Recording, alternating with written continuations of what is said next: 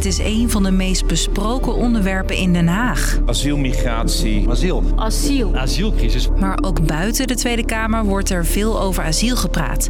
En dan vooral over Ter Apel. Spuug en spuugstad wat in Ter Apel gebeurt. Inbraken in auto's, in huizen. Het aanmeldcentrum staat onder druk en is weer overvol. Er slapen mensen deels in wachtkamers weer op stoelen. Hoe kan dit? Ik ben Frederike en ik zoek voor je uit wat de status is van statushouders en asielzoekers. Lang verhaal kort. Een podcast van NOS op 3 en 3FM. The situation is uh, very bad. Mensen die asiel willen aanvragen in ons land moeten buiten slapen omdat het aanmeldcentrum in Ter Apel overvol zit. Dit was vorige zomer. What here sound is very crazy. It's so like this. It's so cold. Maar ook nu is het weer crisis. Het is eigenlijk zo dat er al eh, weken meer mensen slapen dan de 2000 waar plek voor is. Vertelt mijn collega Rolinde Hoortje bij Nieuws Co. Zij weet alles over asiel en migratie. Afgelopen weekend waren het er zelfs 2500, terwijl er voor 2000 plek is. En ook de situatie van kinderen en jongeren komt onder druk te staan. De capaciteit eh, voor de alleenstaande minderjarige asielzoekers in Trapel is, eh, is in principe 55, maar er zitten op dit moment eh, meer dan 300. Dat zegt de Inspectie van Justitie en Veiligheid. En dat betekent dat eh, er niet meer ingestaan kan worden voor eh, de emotionele welzijn, de veiligheid. Er zijn te weinig begeleiders om daar goed eh, alert op te kunnen zijn. Het overvolle centrum zorgt ook voor onrust in Ter Apel. Zo schrijven inwoners een brandbrief. Ondernemers zeggen dat zo'n 200 asielzoekers overlast veroorzaken. Het gaat dan volgens hen om diefstal, bedreigingen en intimiderend gedrag. Ter Apel staat onder druk. En die druk zorgt ervoor dat het COA, die de opvang van asielzoekers regelt, nu zelf de telefoon oppakt en gemeenten gaat bellen met de vraag of ze mensen willen opvangen. Zeker 45 gemeenten kunnen zo'n belletje verwachten. Gemeenten die weinig doen aan asielopvang. Dus het zijn eigenlijk ja, de, de stoute jongetjes van de klas.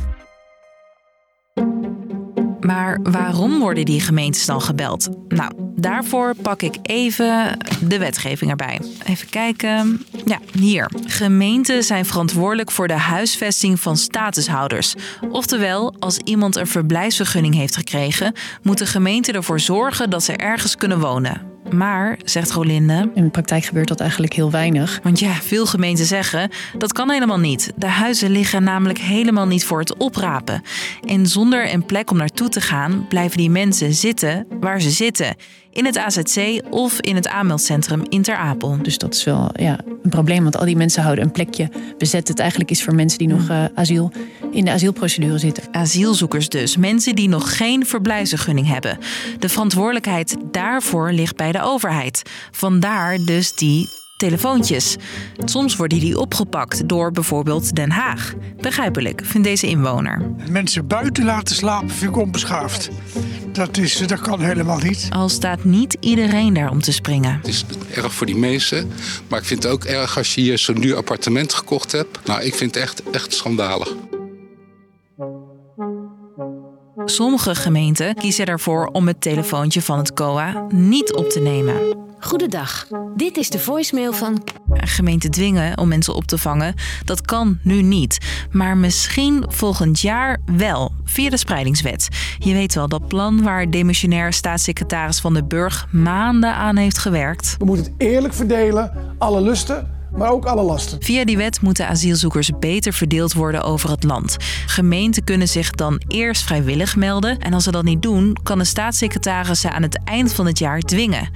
Ja, die wet zorgt eigenlijk voor best wel wat discussies. GroenLinks en de PvdA zijn voor een spreidingswet. Er gaan enorme problemen ontstaan. Het gaat niet werken. Ondanks dat werd die wel aangenomen door de Tweede Kamer. Nou, het gaat me in ieder geval heel veel tijd in de agenda opleveren. Maar dat betekent niet dat de wet er komt. Eerst moet hij nog door de Eerste Kamer heen.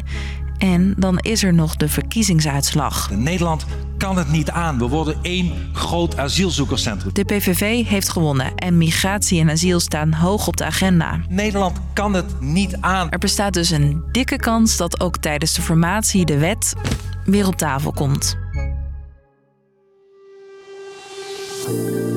Dus, lang verhaal, kort. Het aanmeldcentrum in Ter Apel raakt voller en voller. Statushouders kunnen niet doorstromen en daardoor ontstaat er een tekort aan bedden voor asielzoekers. experts trekken nu aan de bel. Als niet meer gemeenten helpen met de opvang, zullen er weer mensen buiten moeten slapen, zeggen ze. Het is nu niet mogelijk om gemeenten te dwingen. Daarvoor is zoiets als een spreidingswet nodig, maar die is er nog niet. Was de podcast voor nu.